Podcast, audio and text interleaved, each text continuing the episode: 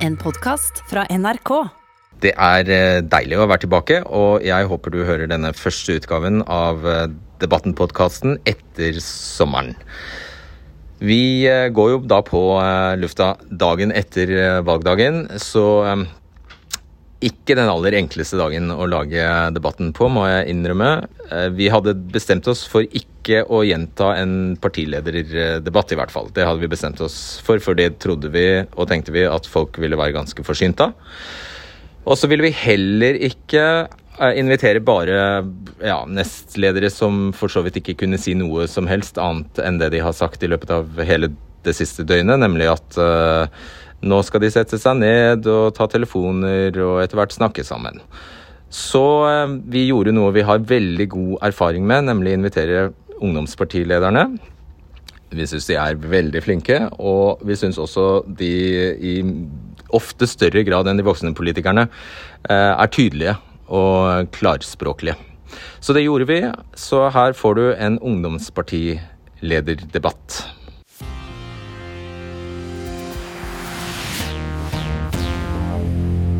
Hvor ble det av klimavalget, spør alle seg etter gårsdagen. Vel, tenk om det var et klimavalg, bare ikke et MDG-valg.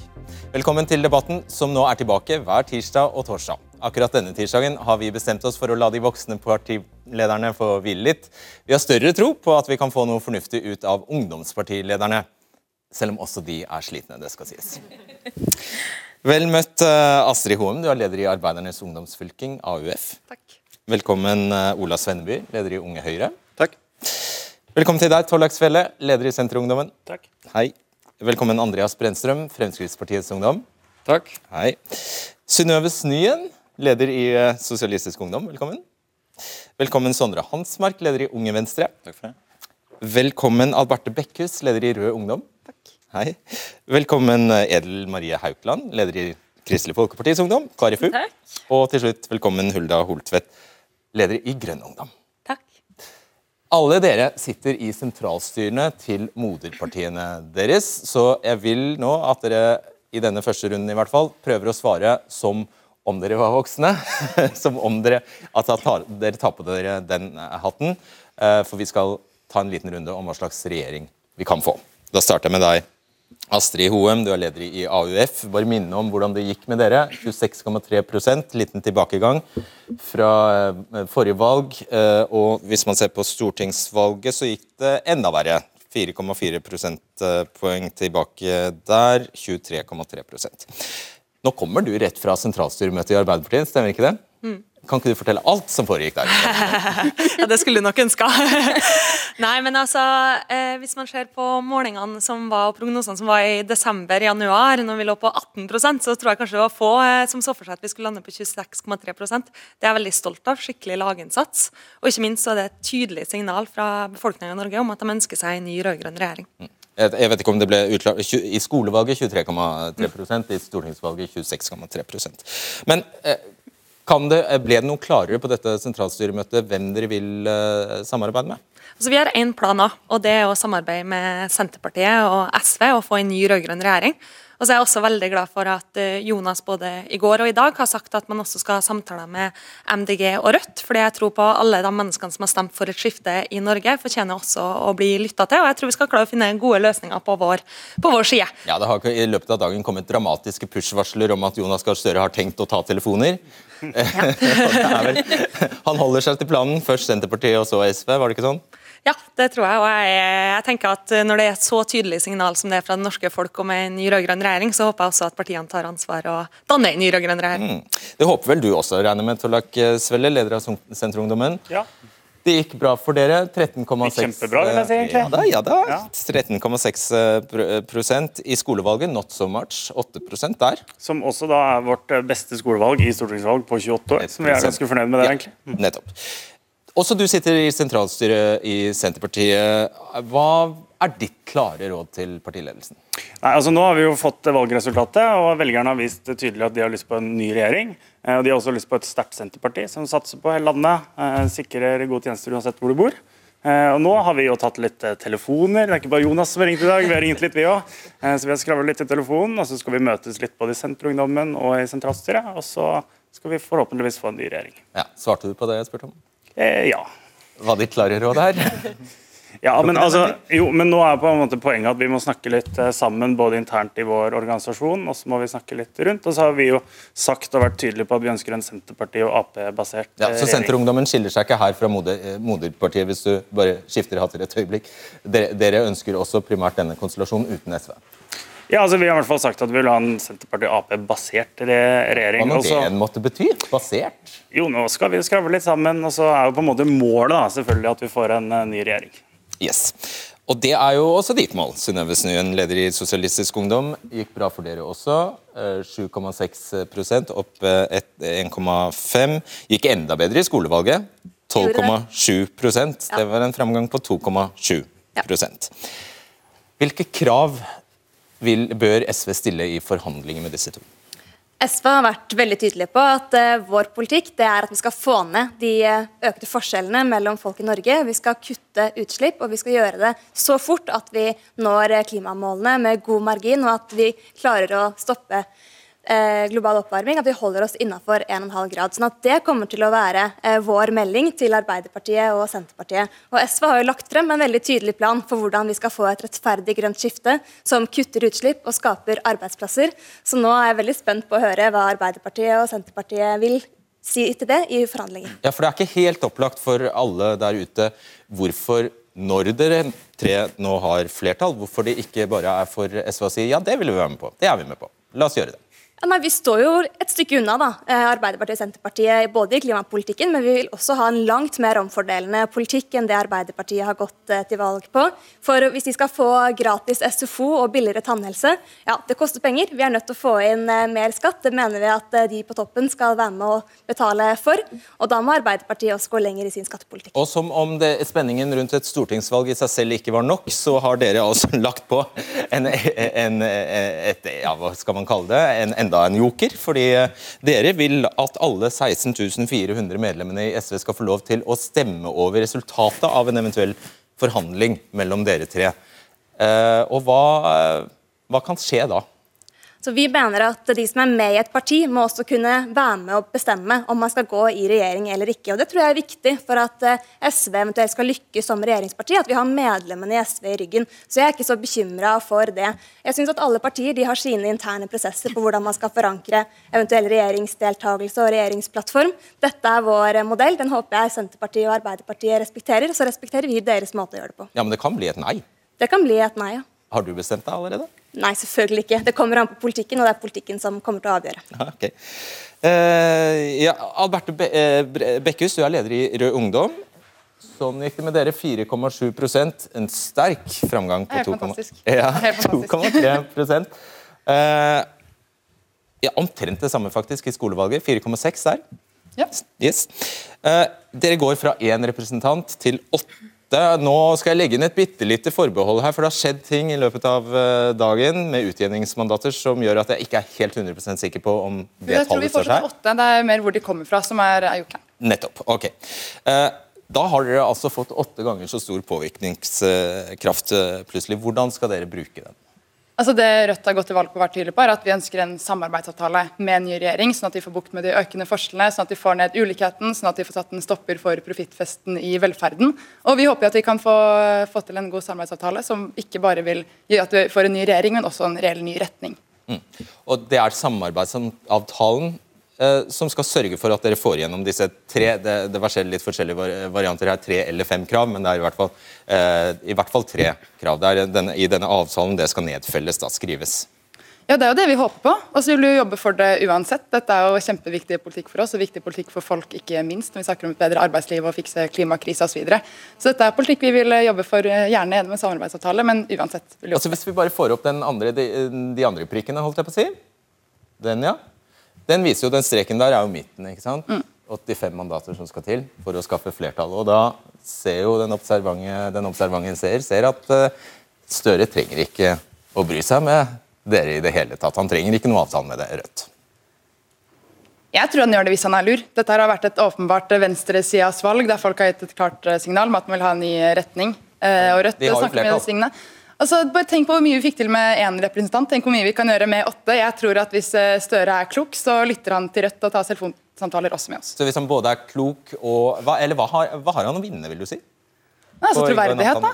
Altså, det er jo, jeg vil si at det er troverdighet å vinne på det. Folk ønsker en eh, avtale. Folk har stemt på Rødt. Folk har gitt oss mye stemmer. Folk ønsker en klar politisk retning. Da tror jeg at eh, det å samarbeide med Rødt er et veldig lurt valg for å vise at man faktisk er på venstresida. At man ikke bare sier, men også handler. Yes. Hulda Holtvedt, eh, er du talsperson eller er du leder? Nå ble jeg usikker. Jeg er talsperson. Sånn er det dere Ja. gjør det. Ja, Talsperson i Grønn ungdom. Ja. Skal vi se. Eh, det endte jo på 3,9% rett under sperregrensa, som de fleste har fått med seg nå. Likevel en framgang på 0,6 prosentpoeng. 6 fikk dere i skolevalget, så dere hadde jo grunn til å håpe at eh, resultatet i stortingsvalget skulle bli noe bedre enn dette. Eh, Hva vil du si er den beste grunnen til at eh, Støre bør inngå en avtale med Rødt? Um, altså Jeg skjønner ikke helt uh, hvorfor han skulle ha interesse av å inngå en avtale, men jeg tenker jo at uh, Støre Det er veldig anstendig og ærlig av han å si at han skal lytte til Rødt og MDG sine velgere. Det er også velgere som stemte for regjeringsskiftet. Og jeg kan jo si for vår del i hvert fall, hvis denne regjeringen uh, følger opp på løftene om å kutte 55 av utslippene innen 2030 og levere klimatiltak som virker, peker retning ut av oljetåka, så er jo det forslag som vi vil eh, støtte og stemme for, eh, uten nødvendigvis å ha en bindende samarbeidsavtale. Og Det har vært veldig stille fra MDG i dag, forståelig nok. Hva Kan du beskrive hva den største skuffelsen går ut på? Vi klarte ikke å nå sperregrensa, og det er det mange som er skuffa over. Det er jeg også. Eh, fordi jeg mener at det er et tap for Norge å ikke ha et sterkt Miljøparti De Grønne over sperregrensa. Men så viser jo også resultatet at vi faktisk vokser, og vi tredobler gruppa vår på Stortinget. og Det betyr også en tre ganger så sterk stemme for klima og miljø på Stortinget, som kan ansvarliggjøre politikerne som styrer, og sette standarden for norsk klimapolitikk. Men igjen, hvis vi går tilbake til prikkene Ingen trenger å høre på den stemmen strengt tatt. Nei, men det har det jo strengt tatt ikke trengt de siste åtte årene heller. og Samtidig så har Miljøpartiet De Grønne vært den klokkeklare miljøopposisjonen på Stortinget. For åtte år siden så var det ingen i de store partiene som snakket om å slutte med olje noen gang. Nå vil Erna Solberg fjerne oljesubsidiene, og Støre varsler at han ikke vil ha nye store leteoperasjoner på norsk sokkel. Så med én representant på Stortinget gjennom åtte år, så har MDG klart å flytte norsk klimadebatt, og det er jeg stolt av. La oss komme tilbake til eh, klima, klima dere. Vi er også i den historiske situasjonen Ola Svenby, at jeg tror det er sånn at Høyre og Arbeiderpartiet for første gang ikke har flertall sammen. De grå partiene, som du, mm. dere pleier å kalle dem. Hvorfor ble det sånn? Det tror jeg er litt vanskelig å gi svar på. Jeg tror nok eh, kanskje fordi vi har hatt en valgkamp som har ikke helt vært på Høyre og Arbeiderpartiet sine premisser. Høyre og Arbeiderpartiet gjør det tradisjonelt sett godt når det er liksom skole, arbeid, helse som er de store temaene. og Når jeg tenker tilbake på valgkampen som har vært nå, så syns jeg det er vanskelig å peke på ett politisk sakfelt som på en måte har dominert plassen. Så jeg tror det er liksom flere, flere, flere grunner til akkurat det. Men det er interessant, er det ikke det? Det sier Jo, noe om eh, Absolutt. Ja. Eh, Og jeg tror ikke nødvendigvis det er så bra heller. Ikke bare fordi jeg er fra, fra Høyre, men det er ikke noe det er ikke noe å legge skjul på at Høyre og Arbeiderpartiet har stått sammen om en del ganske store og viktige ting for Norge og vært en garantist på begge sider av midtstreken. Så jeg syns det er best når både Høyre og Arbeiderpartiet er litt større. Det finnes noen paralleller her til den situasjonen dere har befunnet dere i eh, de siste årene. Nå, nå kan du henvende deg til eh, Astrid her. Hva, hvilke, hvilke feller er det de ikke bør gå i, som Høyre nå har eh, skjønt? Det det er litt vanskelig å svare på. Altså, Høyre har jo tross alt klart å holde disse fire samla i åtte år. og Det tror jeg det er ganske få som hadde, hadde forventa på forhånd. Jo, jo, men altså, vi, vi ser de rister litt. Vi har, vi, hatt borgerlig, vi har hatt borgerlig regjering i åtte år, den lengstsittende statsministeren fra Høyre noensinne i norgeshistorien. Det man skal kanskje være litt forsiktig med, eh, som, som jeg mener kanskje er kritikkverdig mot den regjeringen som har sittet, er at pengene nok har sittet litt løst. At man har betalt eh, avlat nærmest til enkelte partier når det har vært konflikt. og det for all del det er godt på, på alle partiene, som nok ikke er veldig positivt for oss unge i det lange løp. hvert fall. Ja, holdt sammen. Vi har hatt liksom, hvor mange justisministre, så det er vanskelig å holde tellinga og parti inn og ut av eh, regjering. Men jeg tror egentlig det tydeligste valgsignalet her sender, det er jo det kraftige ønsket om en ny regjering. Altså Det er lenge siden jeg har vært med på et valg som har vist så tydelig flertall for en ny regjering.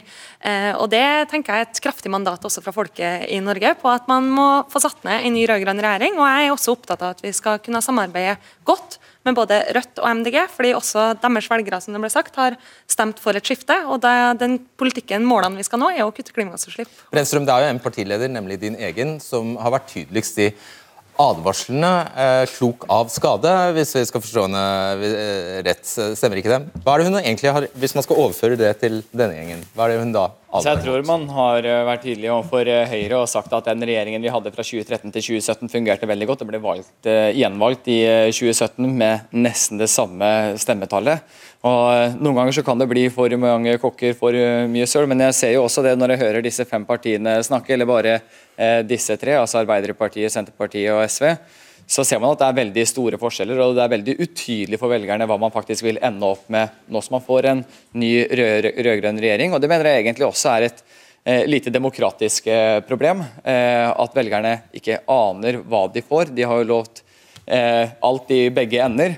Og det Man kan jo ende opp eh, en, i en situasjon hvor eh, Senterpartiets velgere får det motsatte av den politikken de egentlig har stemt for. Fordi Noen ønsker lavere skatter og avgifter, andre ønsker mer oljeboring, og noen ønsker eh, høyere bensinpriser. Skal du svare kort på det først? Ja, altså, Det var jo ganske kaos før, før, valget, og det så jeg velgerne fikk med seg. Siden partiene på den borgerlige sida har jo gått ned fordi det var på en måte nesten umulig å se for seg at et samarbeid kunne fortsette. Og et samarbeid det tror jeg vi kommer til å få til godt. Hva vil du si er den største lærdommen dere har tatt, uh, gjort etter åtte år, som er overførbart?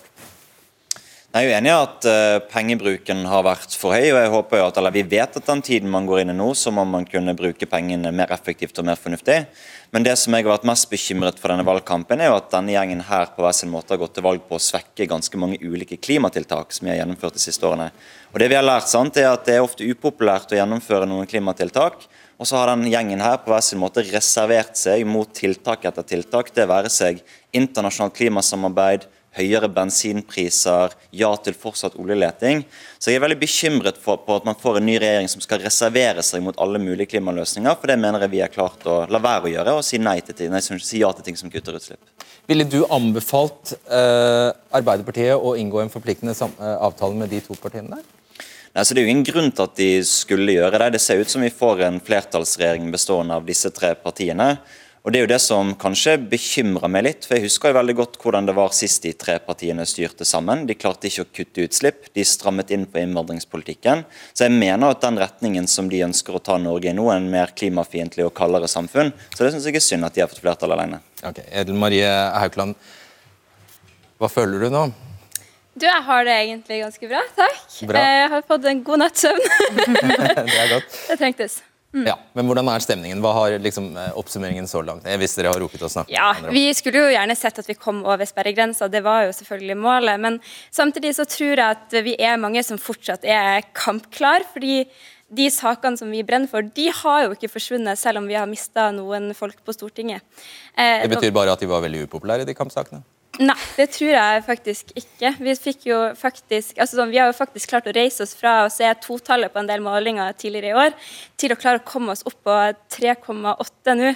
Eh, så Det viser jo bare at det er, har vært en stor mobilisering for KrF sine saker.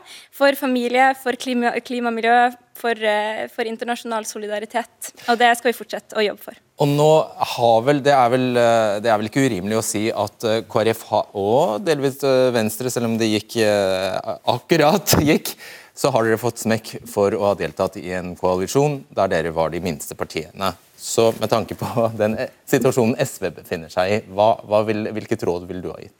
Jeg ønsker dere lykke til, fordi det kommer dere til å trenge når dere skal eh, være med og pushe på klima, miljø og internasjonal solidaritet. Eh, og jeg deler bekymringa til eh, Unge Venstre på spesielt kanskje flyktningpolitikken også, at den kommer til å kunne bli stramma voldsomt inn. Så jeg vil egentlig bare si lykke til, for det er saker som, som er altfor viktige. Mm. Du tar vel imot den? Jeg tar selvfølgelig imot det, og jeg er jo enig i at det kommer til å bli tøffe tak i forhandlinger mellom SV, Senterpartiet og Arbeiderpartiet. Og så håper jeg først og fremst at Senterpartiet vil sette seg ned og forhandle med oss. Jeg har i hvert fall begynt å bli litt lei av at Senterpartiet hele tiden sier at man ikke skal ha med SV, for man må ha med SV for å ha flertall, og det kommer vi også til å bruke. Vi er i en maktposisjon i Stortinget når flertallet er avhengig av oss, og vi kommer til å prioritere klima og flyktningpolitikk politikk. Og jeg er ikke enig i at det har vært eh, bare fryd og gammen i flyktningpolitikken de siste åtte årene heller. Vi tar ikke imot nok kvoteflyktninger når det kommer til hva FN anbefaler oss å gjøre. Så jeg håper på at Arbeiderpartiet og Senterpartiet vil være med på en mer rettferdig flyktningpolitikk enn det vi har hatt de siste åtte årene. Og jeg håper at man vil være med på en helt konkret plan for hvordan man skal kutte utslipp, for det trenger vi for å klare å nå klimamålene. Men da er vi nesten inne i neste bolk, som nettopp handler om eh, klima. Du får spare på replikken din til eh, straks. straks bare to, to sekunder. I alle de siste valgene har partiene med miljøprofil som eh, MDG, SV og Venstre gjort det godt blant de yngre. For to år siden for eksempel, så fikk MDG 14% blant de under 30 år. For noen få uker siden hadde avisene overskrifter som 'Klimapartiene fosser fram', og MDG har vært over sperregrensa på snittet av målinger siden april 2019.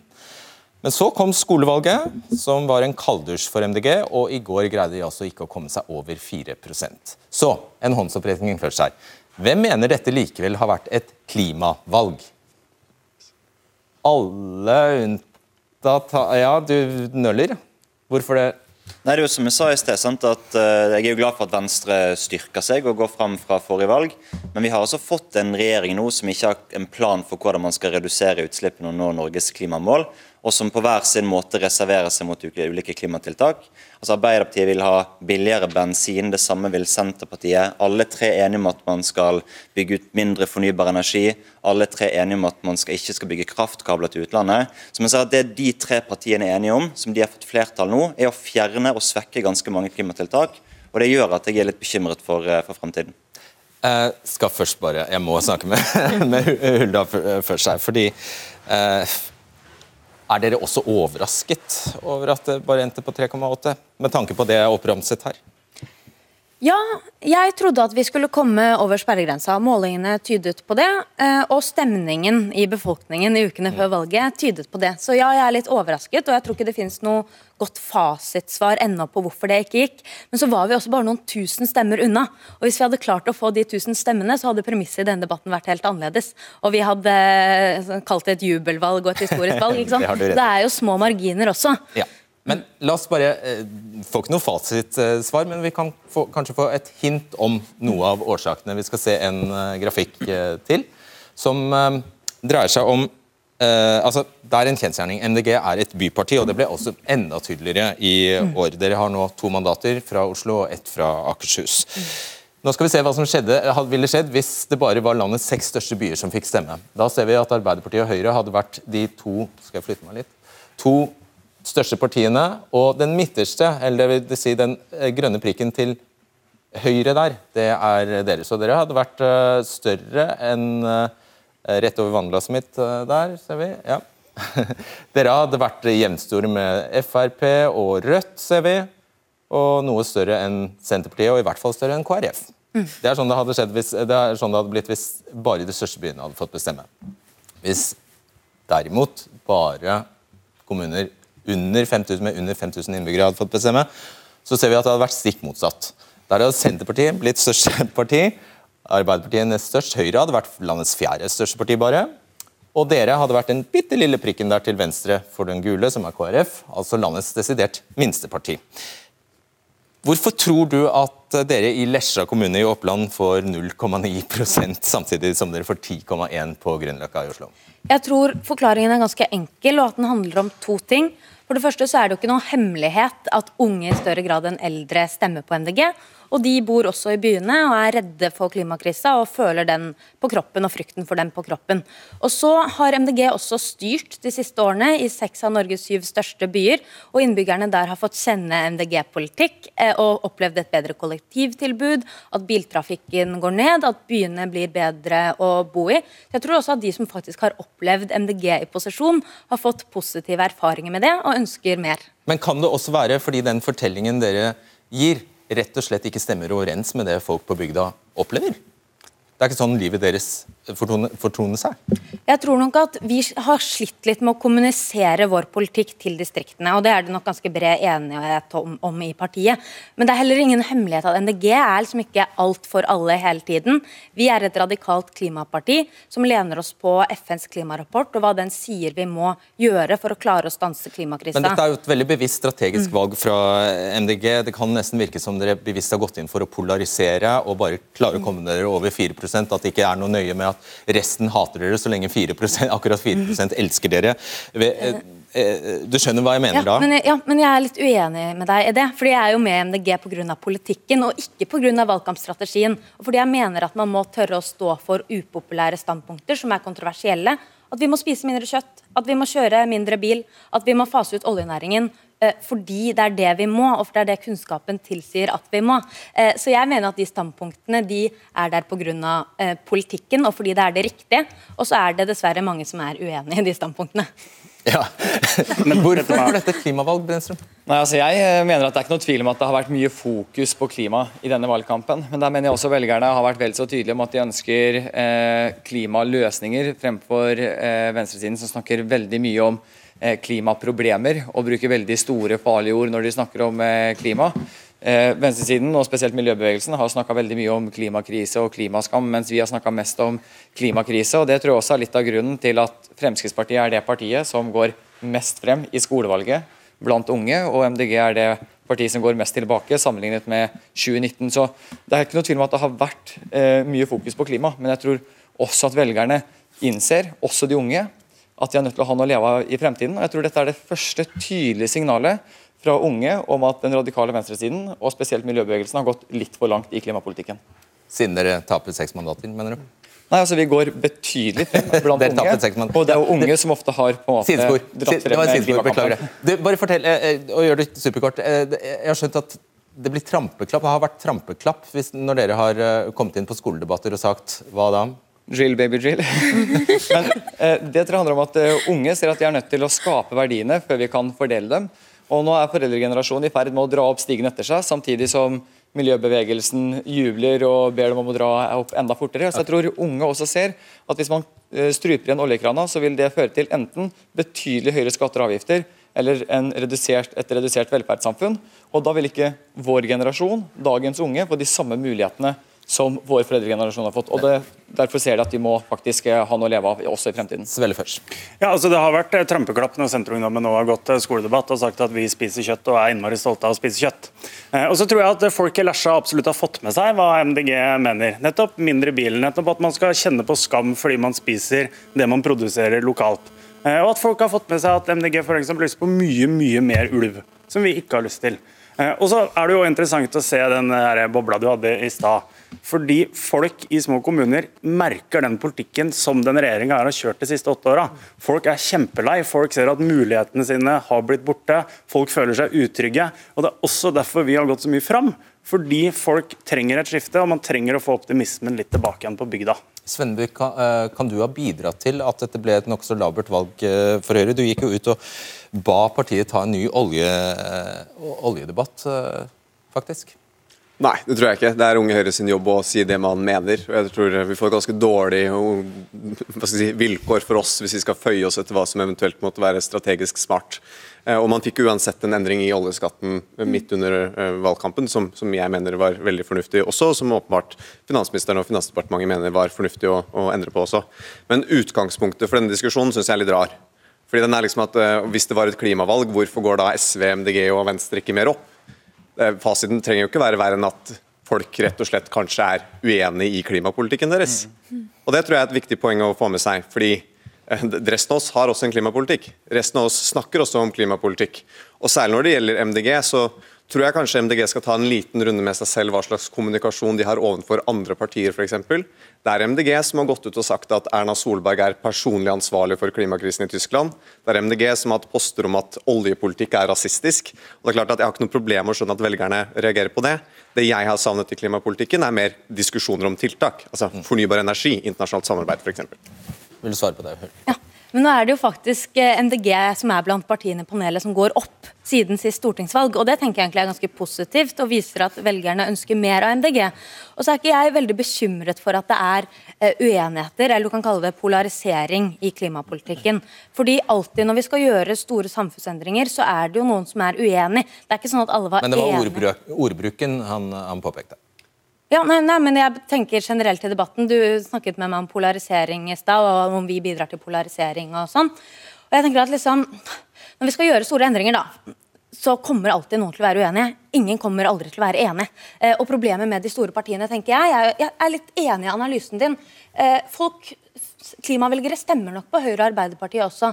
Eh, og Det er jo fordi dere i stor grad har absorbert en klimapolitikk og retorikk som MDG har hatt de siste årene. Og Det er på en måte bra, og vi anser det som en seier. Og Det som blir spennende, er jo å se om dere leverer de neste åtte årene. Og Hvis ikke, så kommer vi til å ansvarliggjøre dere. Okay. Altså, det her har vært et klimavalg. fordi Det er klima man har blitt spurt om når man har stått på stand, det klima elevene har spurt om når vi har vært i skoledebatter, det velgerne har vært opptatt av, er klima. Og Jeg tror også at Arbeiderpartiet ble det desidert største partiet, og at det er flertall for en rød-grønn regjering, nettopp fordi at i Arbeiderpartiet så har vi brukt de siste årene godt. Der vi har sittet sammen, både klimastreikerne i AUF og industriarbeiderne i LO, blitt enige om mål, blitt enige om politikk, og at vi nå faktisk skal kutte 55 av Da kan du svare noe helt, på noe helt konkret. Hva betyr det når Støre sier rett før valget det er klokt for Norge å fortsette å lete der vi har oljeplattformer og lignende, siden dere er så enige? Hva betyr det? Jonas sa også at tiden for de store nye oljeletingene er forbi. Ja, så Hva betyr det? Ja, Det må du spørre Jonas Gahr Støre om. Men jeg skal i hvert fall du, du passe sa på nettopp at at dere var så enige, så da spør jeg like gjerne ja. Vi har funnet en enighet om å kutte 55% klimagassutslipp, og at vi skal holde folk i jobb. og Det tror jeg også er det som folk har stemt på. Og De siste årene så har vi kutta 3,9% av klimagassutslippene våre siden 1990. Men betyr FN har bedt, oss om å kutte 55% og Da er vi nødt til å levere på det. og Jeg har hørt Sondre Hansmark i sted stå og kritisert, men jeg tror også du kan være ærlig dagen etter valget at når man er opptatt av klima, så har det ikke vært levert godt nok fra den regjeringa her. Nei, og men, derfor trenger men vi jo ikke løsningen sant, å gå til valg på å fjerne klimatiltak. Det er det som er helt absurd i denne situasjonen. At Mm. ditt parti går til valg på å fjerne klimatiltak, billigere bensin, mindre internasjonalt klimasamarbeid. Og det Vi vet sant, er jo at vi kan ikke drive og lete etter mer norsk olje og gass dersom vi skal nå målene i Parisavtalen. Likevel så er ditt parti garantisten for en oljepolitikk som er stikk i strid med klimamålene. Du må gjerne snakke fint om dere, om dere ønsker å kutte 55 og ha det som mål, men jeg har ennå ikke hørt deg snakke om et eneste konkret tiltak i løpet av denne debatten.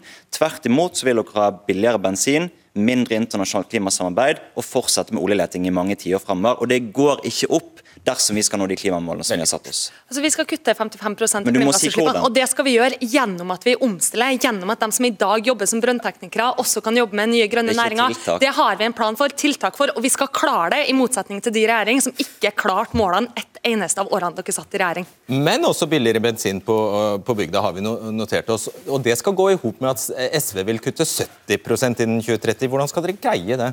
Det er en enorm jobb vi har foran oss, og det er jeg helt ærlig på. Og Det er også derfor vi ønsker å være med å forhandle om en regjeringsplattform som viser helt konkret hvordan man skal kutte utslipp. Og Der har jo heller ikke dagens regjering levert, når man har åpna rekordmange områder for leiting etter enda mer olje og gass. Så jeg tror velgerne var veldig tydelige i årets valg på at man har ikke tillit til at den regjeringen som har sittet, kommer til å gjøre det som trengs i møte med klimakrisa. Sånn at Det er jo derfor vi har fått et solid rød-grønt flertall på Stortinget, og det er jeg veldig glad for. og Det skal vi bruke til å få gjennomslag for vår klimapolitikk. Haukeland, bare til dette med oljestans. Er- Dere i KrFU vil ha oljestans innen 2035. Stemmer. Eller le letestans er det egentlig vi snakker om. Ja. Ja. Det vil ikke moderpartiet K eh, KrF. Jo. Viser ikke det Vi, eh, KrF har jo sagt at vi ønsker å slutte å lete etter ny olje. og det er jo nettopp det når KrFU går hardt ut. Har KrF satt en dato for det? 2035? Nei, de har ikke satt en dato, Nei. men det er jo det som er det viktige i politikken, er jo nettopp å gå inn for endring og kunne gå inn og lage noen kompromisser nettopp for å få til noe.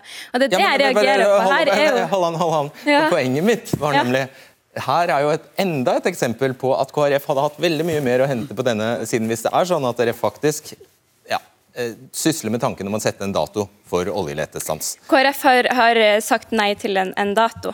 Men det jeg er opptatt av, er jo faktisk konkret klimapolitikk. Og vi har enda ikke hørt dem snakke om et eneste faktisk tiltak. Vi har kommet med et klimafond på 10 milliarder kroner som kutter utslipp i hele, i hele verden. Vi har kommet med en, forslag til endringer i oljeskatten. Eh, og si, her kommer det ingen tiltak. Vi må ha faktiske tiltak for å nå målene våre. Hvis Bekkhus får ordet. Nå skal jeg ramse opp. Nei, jeg må bare... Spørsmålet var jo eh, i utgangspunktet, Hva skjedde med klimavalget? Og Det har jo vært et klimavalg. det mener Jeg Jeg mener absolutt at for Senterpartiet og Arbeiderpartiet sin klimapolitikk ikke er så radikal som jeg gjerne skulle sett at den var. Men jeg tror det har vært et klimavalg for sånn av hvordan type klimapolitikk er det man vil ha. Fordi Folk vil ha en rettferdig klimapolitikk, en klimapolitikk som er kontrollert, der man gradvis faser ut olja. Og jeg tror man har sett dette valget her, at de partiene som har gått opp, også MDG, alle er partier som har tatt til orde for nettopp dette at klimapolitikken kan ikke straffe folk med liten lommebok. Klimapolitikken kan ikke straffe folk som bor i distriktene. At man trenger en klimapolitikk som også fordeler godene, som også er rettferdig. Og det mener jeg at dette valget har vært, så i forstand av at eh, om det har vært et klimavalg? Ja, det har det vært. Det har vært et rettferdig klimavalg. Der sa vel egentlig din partileder at eh, klima kan ikke bli rettferdig? Ja, men altså, ikke, ikke, et eneste tiltak. Jeg synes Det er helt utrolig. Det, det hun derimot argumenterer for, er å ikke øke CO2-avgiften. Ja. Vi vet at Det er det viktigste tiltaket vi har for å kutte utslipp. Det å øke prisen på forurensning. Det er Rødt mot. Det stemmer ikke. Hele denne gjengen her snakker ned klimatiltakene som er innført, og kommer ikke med nye. Kommer du med noe? Du, Jeg skal være kjempekonkret. For eksempel, så er det sånn at Dere har lyst til å øke prisene på bensin. Og så at folk skal kjøre elbil istedenfor. Og så er problemet for veldig mange at de ikke kan kjøre elbil. Så det vi må gjøre da, at vi må bygge flere ladestasjoner. Du vil ha dyrere elbil? Jo, men Vi har jo ikke lyst på dyre elbil. Vi mener at de dyreste elbilene, det som er luksusbiler, de kan være litt dyrere. Det er de de kjører i distriktene. Nei, I distriktene kjører vi på grønne skilter. Da kjører vi varebil. Og den har jo ikke moms uansett. Men, men poenget her, poenget her tyngre, tyngre elbiler, da? Jo, men de er jo på grønne skilter, de som er med pickup og Nei, nå snakker jeg om store Teslaer, f.eks. jo, men det er, blir dyrere med dere. Jo, men det er ingen som har den for å kjøre grus. Jo, det er... En svær Tesla. Det er det de kjører men, men dette er litt hvorfor jeg var litt tvilende på å si om det var et klimavalg. fordi dette valget så har de som betegner seg selv som miljøpartier, kranglet veldig mye om hvem som er egentlig Miljøpartiet. Og så har noen partier sagt ja, men vi skal kutte 55% men vi skal kutte 70 Og så har noen, det har vært veldig mye sånn intern krangling. Det vi har diskutert veldig lite av, er de tiltakene som faktisk kutter utslipp. Vi har ikke diskutert at man har veldig mange i dette panelet her som enten utelukker én eller flere former for fornybar energi. Vi har ikke diskutert hvordan den siden konsekvent er mot internasjonalt klimasamarbeid, enten det er ACER, om det er EUs jernbanepakke, eller om det er klimaavtalen med EU. Vi har ikke diskutert hvilken relasjon vi skal ha til EU, vi har ikke diskutert CO2-avgift. Det jeg sitter igjen med etter klimadebatten, og det mener jeg faktisk at klimapartiene skal ta det største ansvaret for, er en form for liksom, hvem har størst penis, hvem skal kutte mest prosent, hvem har størst troverdighet, hvor man har unngått å diskutere det som faktisk kutter utslipp, som er fornybar energi, som er internasjonalt samarbeid og som er nye grønne løsninger. Kan du henge bjella på den, bjella på den penisen? Er det SV du sier? Det har vært ganske fascinerende å følge både SV, Rødt og, og MDG og Venstre på Twitter f.eks., hvor det har vært diskusjon og ikke reelle klimatiltak tiltak. Ok, svar kort på ja, jeg synes Det er spesielt å høre på Unge Høyre. for Det er jo noen partier her i dette rommet, Arbeiderpartiet, Senterpartiet, Høyre og Frp, som har nekta å gå med på å stoppe leitinga etter enda mer norsk olje. Det er et veldig konkret eksempel på hva Norge er nødt til å gjøre for å nå våre klimamål. Og Der har vi vært krystallklare på at vi er nødt til å lytte til FN når de sier at vi er nødt til å stoppe leitinga etter enda mer norsk olje og gass. Og så har SV vært det eneste partiet når da, som har SV? Når da? Innen når da? Vi skal jo slutte å leite nå. Ja, innen nå. Innen når? Nå? Vi skal jo slutte å lete etter ny olje og gass nå. Ja. Når skal det være en absolutt For MDG har jo satt en dato. Jeg har skjønt det sånn at dere ikke har det er ikke på leting. Nei, på leting. Det er på pumping. Vi er jo enige om at vi skal stoppe å lete nå. Det tror jeg alle vi tre er eh, enige om, også eh, Venstre. Ja, nå tror jeg ikke at jo, men Det er forskjell på en, altså, det er forskjell på en dato for å slutte med produksjon ja. og når man skal slutte å lete. Ja, Vi har sagt at vi ikke skal ha en sluttdato på produksjon, nettopp fordi man skal ha en gradvis omstilling vekk fra fossil energi til nye grønne arbeidsplasser. Men det første vi må gjøre i den grønne omstillingen, er jo å slutte å lete etter enda mer norsk oljeplass. Okay, si, fordi vi har funnet nok. Uklarhet rundt det. I dag er ca. 70% av investeringene på sokkelen til enten investeringer eller leting. Det er, 155, det er 170 milliarder kroner eller noe sånt noe, som i dag investeres på sokkelen. Dere mener ikke i fullt alvor at det skal, si, at det skal stoppe i morgen? Nei, det er ikke det dere mener. vi skal slutte å lete etter ny ja. olje. Det skal vi slutte med. Men altså, ja.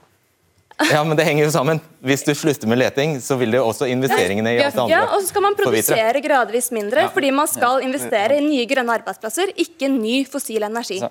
Okay. det, det er to ting jeg syns kommer veldig tydelig frem hittil i debatten. Eh, det første er at det er umulig å vite hva man får med en ny rød-grønn regjering. Og for det andre hvordan de skal kutte i de 50-55-70% utslippene som de ønsker å kutte. Altså det er eneste jeg mener. Altså jeg mener at dette har vært et klimavalg, det er helt åpenbart, for det har vært mye fokus på klima. Men jeg tror også velgerne har vært vel så tydelige på at de trenger en edruelig klimapolitikk som fokuserer på utslippskutt, og ikke nødvendigvis klimaskam og klimakrise. Fordi det hjelper ikke. Altså Man kutter ikke utslipp ved å vedta klimakrise på Stortinget, eller snakke om at kloden koker og Erna har skylda. Vi er nødt til å ha fokus og holde øye på ballen, og huske at eh, vi lever i en global verden. Klimautfordringene er ikke et nasjonalt norgesproblem. Vi har ikke en egen atmosfære. Vi må kutte utslipp globalt. og Da er det aller beste klimatiltaket vi kan gjøre, det er å tilby norsk olje og gass til Europa. Og sørge for at de kan fase ut klimaverstingen kull. Da kutter vi enorme mengder utslipp. Det er nesten ikke kutta utslipp i Norge. Danmark har klart å kutte utslipp, Sverige har klart å kutte utslipp. Vi har vært sinke i Europa. og Når vi skulle kutta over 50% av klimagassutslippene våre, så har vi kun kutta 3,9% siden 1990. Den regjeringa som skal lede landet nå, den står overfor en så stor oppgave at det nesten kan virke umulig å løse, men det skal vi klare.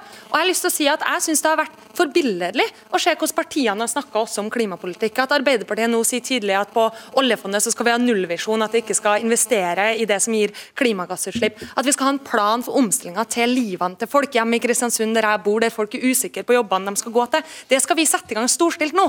Og jeg syns det er litt rart å stå her og kritisere når man sjøl har kutta for lite. Når vi ikke Men- har levert. Og det håper jeg, og jeg kommer til å følge med på at Arbeiderpartiet skal levere på det hver eneste dag. Yes, uh, Vi har jo faktisk kutta, og det gjorde jo ikke dere da dere satt i regjeringa. Det også, det er viktig at vi faktisk får til de kuttene. Og igjen, her har du nevnt ett tiltak, og det er oljefondet. Vi må ha tiltak hvis vi skal få til å faktisk kutte i utslippene. Det skjer ikke ved å bare sette fine mål. Norsk klimapolitikk det trenger at vi politikere blir litt sånn skitne under neglene. og Det syns jeg f.eks. MDG, som stiller seg helt utafor når de setter et ultimatum sånn som de gjør. Så setter de seg helt på utsida og ønsker ikke å få skitt under neglene i klimapolitikken. Men norsk politikk, klimapolitikk trenger politikere som har større drømmer enn billigere medisin, som har noen visjoner for klimakutt her i Norge og eh, internasjonalt, og da må man ha faktiske tiltak. Holseth, kanskje, det var, kanskje det var det også velgerne eh, mente ble for bastant, at dere satte denne datoen? Ja, men Er det ett område hvor norske politikere ikke trenger mer skitt under neglene, så er det i klimapolitikken. Altså. Ingen regjering har klart å levere på sine egne klimamål i Norge. Ingen regjering har klart å kutte nok utslipp. og Mye av grunnen til det er at de store partiene eh, de fire, det firehodede trollet der. eh, De er enige De er enige om å bygge ut flere oljefelt, de er enige om å bygge mer motorvei, de er enige om å stanse viktige klimatiltak. eh, og Det syns jeg er veldig synd. Men så syns jeg også at dette er dagen etter valget, og vi kan ha litt raushet. Jeg er faktisk spent på hva Arbeiderpartiet, Senterpartiet og SV kommer til å bli enige om, eh, og hva dere leverer. Og hvis det dere leverer er dårlig, eh, så kommer vi til å påpeke det. og Jeg tror også dere kommer til å bli straffet hardt av velgerne. Fordi på en måte så har dette vært et klimavalg på den måten at jeg tror det er veldig vanskelig for eh, norske partier og politikere å føre klimapolitikken og oljepolitikken helt uavhengig av hverandre. Hvem vil svare på det? En av dere? Jeg kan godt ta det. gjerne på det ja. Nøkken og neglene kan vi mye om hos oss. Ja. Vil du begynne? Jo, for det, det, som er, det som har vært sånn greia med regjeringa, er at man har bare sittet i båten, flytet ned i elva, og så har man på en måte ikke klart å kutte så mye utslipp. Men det som er poenget her, er at man er nødt til å på en måte bruke de midlene vi har som nasjon, og gjøre noen investeringer for å gjøre en del nye næringer lønnsomme. For å få lønnsomhet i skognæringa f.eks., som vil kunne kutte ganske mye utslipp, samtidig som vi òg skaper arbeidsplasser rundt omkring. Og Det tror jeg kommer til å være nøkkelen for at vi når våre klimamål. Der er nøkkelen. Ja, Trær er jo en god start, i hvert fall.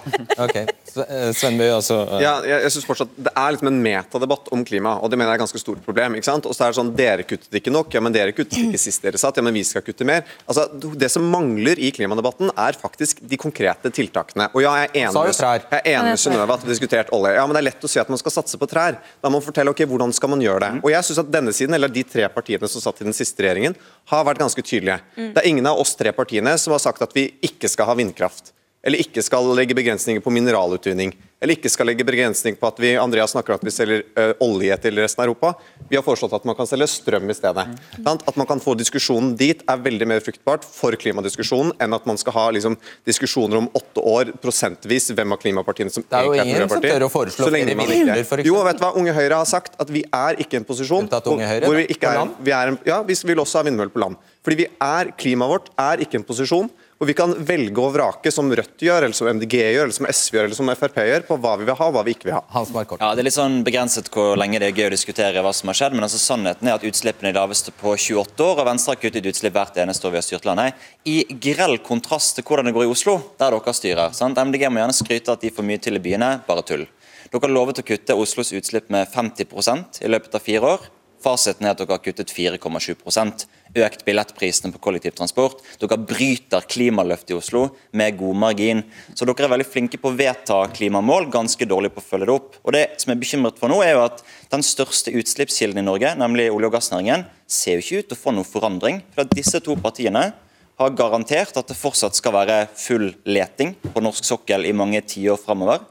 Eh, Det bekymrer meg veldig at vi ikke kommer til å klare å nå de klimamålene som er satt oss, fordi at dere garanterer for den største utslippskilden i Norge, nemlig oljenæringen. Bekehus først.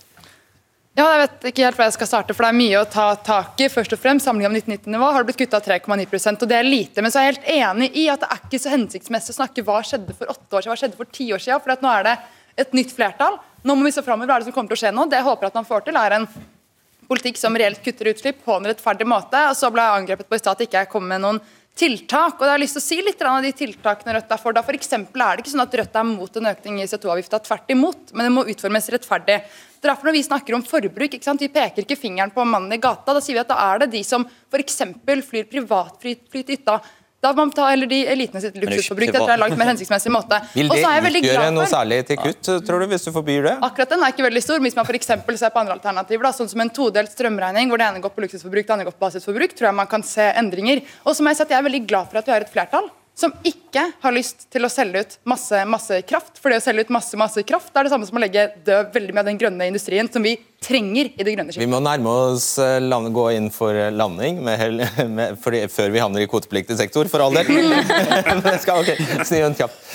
Ja, altså Det er jo ikke et klimatiltak å privatisere jernbanen, sånn som Unge Høyre prøver å fremstille det som. SV er det eneste partiet som har lagt frem en helt konkret plan for hvordan man nettopp skal kutte 70% av utslippene. Og så gleder jeg meg til at både Grønn Ungdom og Unge Venstre kommer til å holde oss ansvarlig. Og Jeg anbefaler dere å lese den planen, for den er helt konkret den, på hvordan man skal kutte utslipp tonn for tonn og tiltak for tiltak. For det er mulig å løse klimakrisa, men da kan vi ikke ha en debatt hvor man sier nei til klimatiltak. Man er nødt til å gjøre det som trengs i møte med vår tids største utfordring. Ok, Vi registrerte i hvert fall at det var en del Det var ikke samme liste i hvert fall dere to ramset opp når det gjaldt eh, klimatiltak. Det registrerte vi. Ja.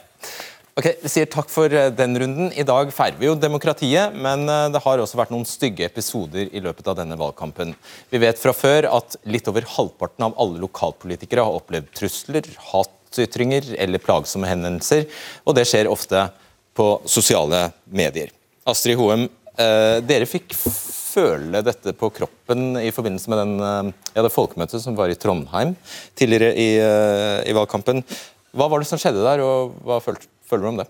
Det som skjedde var at det var AUF-ere hos oss som skulle ta imot partilederen vår Jonas Gahr Støre etter partilederdebatten og heie på han. Da det kommer en mann bort og sier at eh, Breivik hadde rett, dere, skulle, dere skal dø alle sammen. Og når en av våre går bort og prøver å få han til å trekke seg unna, så slår han han til han i ansiktet. Eh, og det her mener at man ser konsekvensene også av at de siste ti årene så vet vi at overlevende etter 22. juli har fått drapstrusler. AUF-ere, nye AUF-ere har fått trusler, hets, som veldig ofte er kobla til 22. juli. Og for ikke lenge siden så var jeg også på toårsmarkeringa i Al-Noor-moskeen i Bærum etter det andre høyreekstreme terrorangrepet vi har sett i Norge de siste ti årene. Der kunne man fortelle at det var mange som fortsatt var bekymra for å sende barna sine på det som tilsvarer søndagsskolen i moskeen. Og rundt omkring i mange norske moskeer så sitter også muslimer og redd for egen sikkerhet. Og jeg tror vi er nødt til å snakke om den økte høyreekstremismen, den hetsinga, som man også ser av flere. Eh, Man har sett det ganske tydelig mot bl.a. Miljøpartiet De Grønne, eh, og spesielt kvinnelige politikere derifra, men også fra flere av ungdomspartiene her, at man blir hetsa, og at man blir trua og at det også kan føre til vold. Og Det er et alvorlig demokratisk problem. Mm. Det er det. Uh, Andreas Brensum, uh, det var sånn at flere FPU-ere ble utsatt for hets i valgkampen, ble stemplet som rasister i skolevalgkamper bl.a. Ja, så Det er mange eksempler på at uh, FPU-ere som har tatt skoledebatter, har blitt møtt med uakseptable og usanne påstander om at man er klimafornektere, kvinnehatere, homohatere og rasister. Og selv om man får avvist disse angrepene og eh, motvist dem i debatten, så er det alltid noen som sitter i salen som tror på dem. og det er jo og FPU blir ofte møtt med det på stand etterpå, hvor de blir spurt eh, hvorfor hater dere innvandrere. og Så er man nødt til å bruke mye tid på å eh, forklare eh, hva som er eh, tilfellet i, eh, i, politikken. og Det har jo også ført til at mange FPU-ere ikke lenger ønsker å stå i det og være en del av eller være med i politikken. Hvem er det som kommer med sånne beskyldninger? da? Jeg vil egentlig si at det, det kommer fra venstresiden. Eh, og Vi har også vært tydelige på det også i media, hvor man har gått over streken. og Vi imøtegår det også i eh, debattene. og eh, Det har også gått så langt at vi i FBU har sett oss nødt til å være, være nødt til å filme mange av skoledebattene. For å si at Nå har vi funnet oss i dette så lenge. Nå får det være nok. Dette må vi ha en slutt på. For det mener jeg er en fordumming av debatten. For Jeg tror også at selv eh, partiene på venstresiden ikke tror på at eh, Frp er noen av de eh, betegnelsene som jeg nevnte. Og så mener jeg også at man polariserer debatten, man måte, øker avstanden mellom partiene. Så vi bør egentlig ta debatten på et høyere nivå enn det. da. Mm, det er sant, Hulda Holtvedt, at man har sett flere eksempler på at MDG-ere er spesielt eh, utsatt. Eh, Lan Marie Berg f.eks., eh, som nå kommer inn på Stortinget, fått masse trusler og sjikane. Hvordan vil du si, hvordan har det preget deg at hun mottar sånt? Jeg vet ikke, For alt jeg vet, så mottar også du. Jeg tror det preger hele ungdomspartiet og hele ungdomspolitikken. At man ser at ungdommer ned i 13-årsalderen som skriver sitt første leserinnlegg i Side for uh, dødstrusler og liksom tusenvis av drittkommentarer på internett. Uh, så Det tror jeg er veldig demobiliserende og skremmende for ungdom som ønsker å engasjere seg, rett og slett, og et problem for demokratiet. Og så er det jo forskjell i alvorsgraden på den hetsen som uh, man ofte mottar i Miljøpartiet De Grønne, og det som kommer fra høyreekstreme miljøer mot AUF. Det er også viktig for meg å understreke. Og det er også viktig for meg å understreke at de som mottar mest hets, det er personer med minoritetsbakgrunn. Og vi ser at den muren av hets på internett det blir en særlig terskel for at mennesker med minoritetsbakgrunn kan delta i demokratiet, og det er veldig synd. Mm. Eden Marie Haukeland, har du opplevd trusler selv? Nei, Jeg har fått en del dritt i kommentarfelt og sånt, men eh, jeg har, jeg har nok blitt spart for mye av det verste. I alle fall når jeg hører hva andre går gjennom. Men likevel så kjenner man det jo fort på kroppen når man ser kommentarer som går på både utseende og ja, deg som person. Hva er ditt inntrykk? Hvem er det som gjør dette? Hvor gamle er de f.eks.? Det, altså sånn, det vi ser, er jo at det er veldig mange eldre, voksne mennesker i kommentarfelt og sånt, som er de som holder på med hets. Jeg tror også at barn og unge som holder på med hets og sjikane av om det er ungdomspolitikere eller andre engasjerte, så har de det fra et sted. Så jeg er egentlig litt lei av at vi blir spurt hva løsninga på dette problemet her er. For jeg mener at Det spørsmålet der, det må man egentlig stille til de voksne, som er de som, eh, som hetser. Som er de som sjikanerer unge, unge, mennesker og får dem til å ja, trekke seg ut av politikken i verste tilfelle. Det er på tide at man slutter å snakke om at det må inn i skolen, at man heller retter skytsen til de som har det største ansvaret møte på eh, eldresenteret da, i stedet? ja. Kjør på. Svelle, er, det, er, dette noe Det er jo ikke noe bare kvinnelige politikere blir utsatt for? Jeg tror det er noe man opplever i alle ungdomspartier. og så er det veldig vondt å høre på de fortellingene både fra, fra Astrid og fra Hulda. Eh, og så er det på en måte også veldig synd, fordi jeg tror alle som står rundt bordet her, kjenner seg veldig igjen i når man ble med i ungdomspolitikken ja, for en liten stund siden. Ja, for flere av oss. Eh, at man kjenner på det å være ung og ha et engasjement og på en måte kjøre litt på, men at man da får møtt masse masse hets tilbake igjen. Det er ikke bra, og det er en veldig veldig hard start for unge folk som går inn i, i politikken, som jeg er veldig bekymra for. Er det noe, i tillegg til det ansvaret vi alle har, selvfølgelig, er det noe politiet eh, kunne gjort annerledes eller bedre? Ja, F.eks. kunne politiet oppført seg på en helt annen måte i den situasjonen som AUF opplevde i Trøndelag, hvor politiet ikke tok AUF på alvor. Eh, over mange år så har ikke PST tatt på alvor trusler fra det høyreekstreme miljøet. Og det må man huske på at det finnes jo, altså Disse konspirasjonsteoriene de rammer venstresiden sterkest. Hvis du i tillegg er kvinne, minoritet og skeiv, så er du enda mer utsatt. Og Det er mange av oss, også på høyresiden, som opplever hets og sjikanering. Men dette er noen form for konspirasjonsteorier som rammer venstresiden mye kraftigere enn det rammer oss, og spesielt AUF. Og Det må man være klar over når vi diskuterer dette. Det er forskjell på den hetsen som vi kan få i et kommentarfelt, Mm. og de eh, skremselspropagandaene og konspirasjonsteoriene som spres som AUF, og det må man ta på større alvor enn man har gjort hittil. Og ut av det har du, for din analyse er lik, ut av det trekker du en konklusjon at høyresiden har et større ansvar.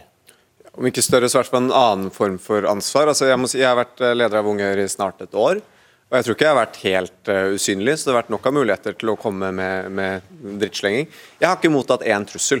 Jeg tror ikke jeg har mottatt noe jeg en gang vil betegnet som, som hets en gang. Så på mange måter så tror jeg Jeg tror ikke det bare gjelder fordi jeg er meg, men at det nok kan gjelde Unge Høyre.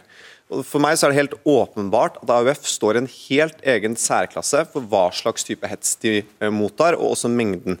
Så jeg mener at, det, at de, da, altså Når AUF har liksom innskrenket ytringsfrihet, innskrenket handlingsrom for å drive med politikk, så gir det også meg et større ansvar for å ta AUF i forsvar. Fordi jeg kan faktisk gjøre det uten å få trusler, uten å måtte ringe PST. Jeg kan gjøre det, og, og, og på, på den måten liksom slå ring om AUF. Og jeg tror også det kan funke hvis man på tvers av skillelinjer står sammen om å forhindre den hetsen som særlig AF mottar. Og jeg er veldig glad for den støtten som vi har fått fra de andre ungdomspartiene, både rundt tiårsmarkeringa og også i tida etterpå. Jeg tror også det er viktig at vi snakker nettopp om de tingene her òg. Fordi jeg er veldig bekymra for de 14-åringene som kanskje ikke melder seg inn i et ungdomsparti, nettopp fordi at man ser hva man kan bli møtt med. Er du enig i det han sa, forresten? Jeg mener at alle har et ansvar, et samla ansvar, for å ta et oppgjør med hets. Men at det går spesielt utover AUF? Eh, Vi har jo sett noen eksempler, øh, og senest nå den valgkampen her, som jeg mener er eh, forferdelig å høre om. Ingen skal eh, bli møtt med vold når man eh, fremmer sine ytringer. Og Vi i Frp har vært veldig tydelige forsvarer av ytringsfriheten. Det bør også at vi skal være veldig tydelig på at det er helt uakseptabelt å true den ytringsfriheten. Altså, Vi må slå ned på de som ønsker å gå lenger enn det ytringsfriheten tillater. Og Det har man eksempler på eh, fra AUF. Og så mener jeg alle har et ansvar med å også eh, ta et oppgjør mot liksom, en polarisering av debatten, hets og trakassering i eh, politikken, også spesielt rettet mot unge, som kanskje da velger å ikke bli med videre. Snøen, vi har mange kloke eldre seere. Er det noe er det, Finnes det et eh, triks de kan benytte seg av når det kribler akkurat litt for mye i eh, fingrene, og de beveger seg over eh, tastaturet i, hissig, eh, i et hissig øyeblikk? Ja, jeg tror alle vi som er unge, vi ønsker å bli møtt med motargumenter. Og ikke med hets, ikke med sjikane, ikke med drapstrusler. Og det er min utfordring til alle eldre som har eh, sterke meninger. Møt oss med motargumenter. For vi ønsker å ta debatten, om det er klimadebatten, flyktningdebatten eller den feministiske debatten om abort. Vi er med på å ta debatten, det er ikke det som er problemet. Problemet er at så mange opplever hets, sjikane, spesielt som MDG er inne på, hvis man eh, har en annen hudfarge enn det jeg har. Eh, så møtes man med så mye hets at man ikke ønsker å delta i demokratiet. og Det er en trussel mot demokratiet. Og jeg synes Ytringsfrihetsdebatten vi har hatt i Norge har blitt veldig rar. fordi Det store problemet er at folk ikke deltar fordi man møtes med så mye hets og trusler, ikke at folk ikke har muligheten til å ytre seg. Bekkhus. Ja, nei, jeg er veldig enig i det Synnøve her sier. Men jeg tror også et problem er at det er veldig lett å angripe, og så er det litt vanskeligere å ta folk i forsvar. Så det også er egentlig et tips til folk som er der hjemme, og se kjipe kommentarfelt. Det er veldig innafor å skrive en melding som er sykt bra leserinnlegg, eller jeg er ikke helt enig, men tøft at du altså, Det også er helt lov. Fordi man skal ikke trenge tjukk hud for å bli aktiv i politikken. Og Det er et kjempeproblem, som flere har vært innom, både den hetsen direkte, spesielt AUF, men også kanskje særlig eh, GU møter på, er kjempeproblematisk. Og når man ser at Hæ? Ja, Dere er så inne i sjargongen GU. Det betyr grønn noe. ungdom. ja, jeg glemmer forkortelsen her, men altså, det- det er kjempeproblemer. Også at, at ytringsrommet i praksis er utilgjengelig for veldig veldig mange. Fordi at du er nødt omtrent til å deale med hets, med rasisme, med kvinnediskriminering. Altså det, det skal ikke måtte være sånn. Sånn er det dessverre i dag. Så da mener jeg både at eh, de som kanskje kriblet ekstra i kommentar, kommentarfeltfingra, kan spørre seg selv ville jeg sagt det her på ekte. Og så mener jeg også at politikere har et ansvar når det kommer til hvilke ord vi bruker. Vi har ikke vært der så mye nå, men jeg mener f.eks. at hvis man som nasjonal politiker bruker begrepet snikislamisering, så fòrer man konspirasjonsteorier som igjen bidrar til den samme hetsen, de samme truslene, den samme eh, sjikanen som folk møter. Eh, Vi har ikke tid til å behandle den, det- men det er jo for så vidt en gjenganger av et argument. da. Eh, Svelle og så Horn. Ja. Nei, det er mye gode, mye gode tips. Og så tror jeg at det er viktig at fordi det er jo en del ting som skrives som er ulovlig, som er straffbart fordi det er trusler og det er sjikane som er grovere enn de rammene ytringsfriheten tillater. Eh, Og Der tror jeg at det er viktig at politiet viser litt tilstedeværelse. Jeg syns nettpatruljen er bra, som denne regjeringa her har innført. Så jeg kan få litt skryt da, på tampen på vei ut. Ja, jeg, vil, eh, jeg er enig i også det Edel sier, at det er mye eldre som må tenke seg om. Men den mest skremmende utviklinga er jo at det er ganske mange unge som blir radikalisert. Altså Der AUF ser at vi får kanskje aller mest drapstrusler akkurat nå, er på TikTok. De er ikke på gamlehjem, de sitter hjemme på gutte- eller jenterommet og sender ut uh, trusler. Og man vet jo at det foregår radikalisering på internett gjennom memes. Eh, man kan begynne å se på memes som jeg ved første øyekast kan flire av sjøl, og så kommer den siste, og så sitter man og flirer av eh, Har blitt radikalisert gjennom flere memes, og flirer jeg av eh, Utøya 22.07. Det er et alvorlig problem som vi er nødt til å vite mer om og ta tak i, fordi at det er unge som i aller størst grad blir radikalisert nå. Ti sekunder, så får du alt. Ja, jeg tror sivilsamfunnet også må ta seg sammen. Det er ganske mange kjøkkenbord hvor det sitter sønner, fedre, onkler og tanter som skriver dritt på internett og sender trusler uten at familien deres gjør noe med det. Det er først og fremst de som må ta tak med de i sin næromkrets dersom vi skal bli kvitt eh, både hat og trusler. Det var mye klokt her. Eh, nå skal dere få hvile. I hvert fall få fred fra meg. takk skal dere ha. Tusen takk. Stortingsvalget er over, og det betyr, som jeg sa i åpningen her, at vi er tilbake med debattensendinger to ganger i uka. Ha det bra. Ja, det var det. Jeg tror jeg vil legge til at dette var eh, den siste partilederdebatten antagelig til Edel Marie. Hun skal gi seg som leder nå, så da takker vi henne så mye for innsatsen. Nå skal hun tilbake til studiene, vet jeg. Og så får jeg si takk til deg som hører på. Håper du fikk nytte av denne timen. Det var en ekstra lang debatten denne gangen. Og at du henger med oss videre utover eh, høsten hver tirsdag og hver torsdag. Ha det bra. Du har hørt en podkast fra NRK. Hør flere podkaster og din NRK-kanal i appen NRK Radio.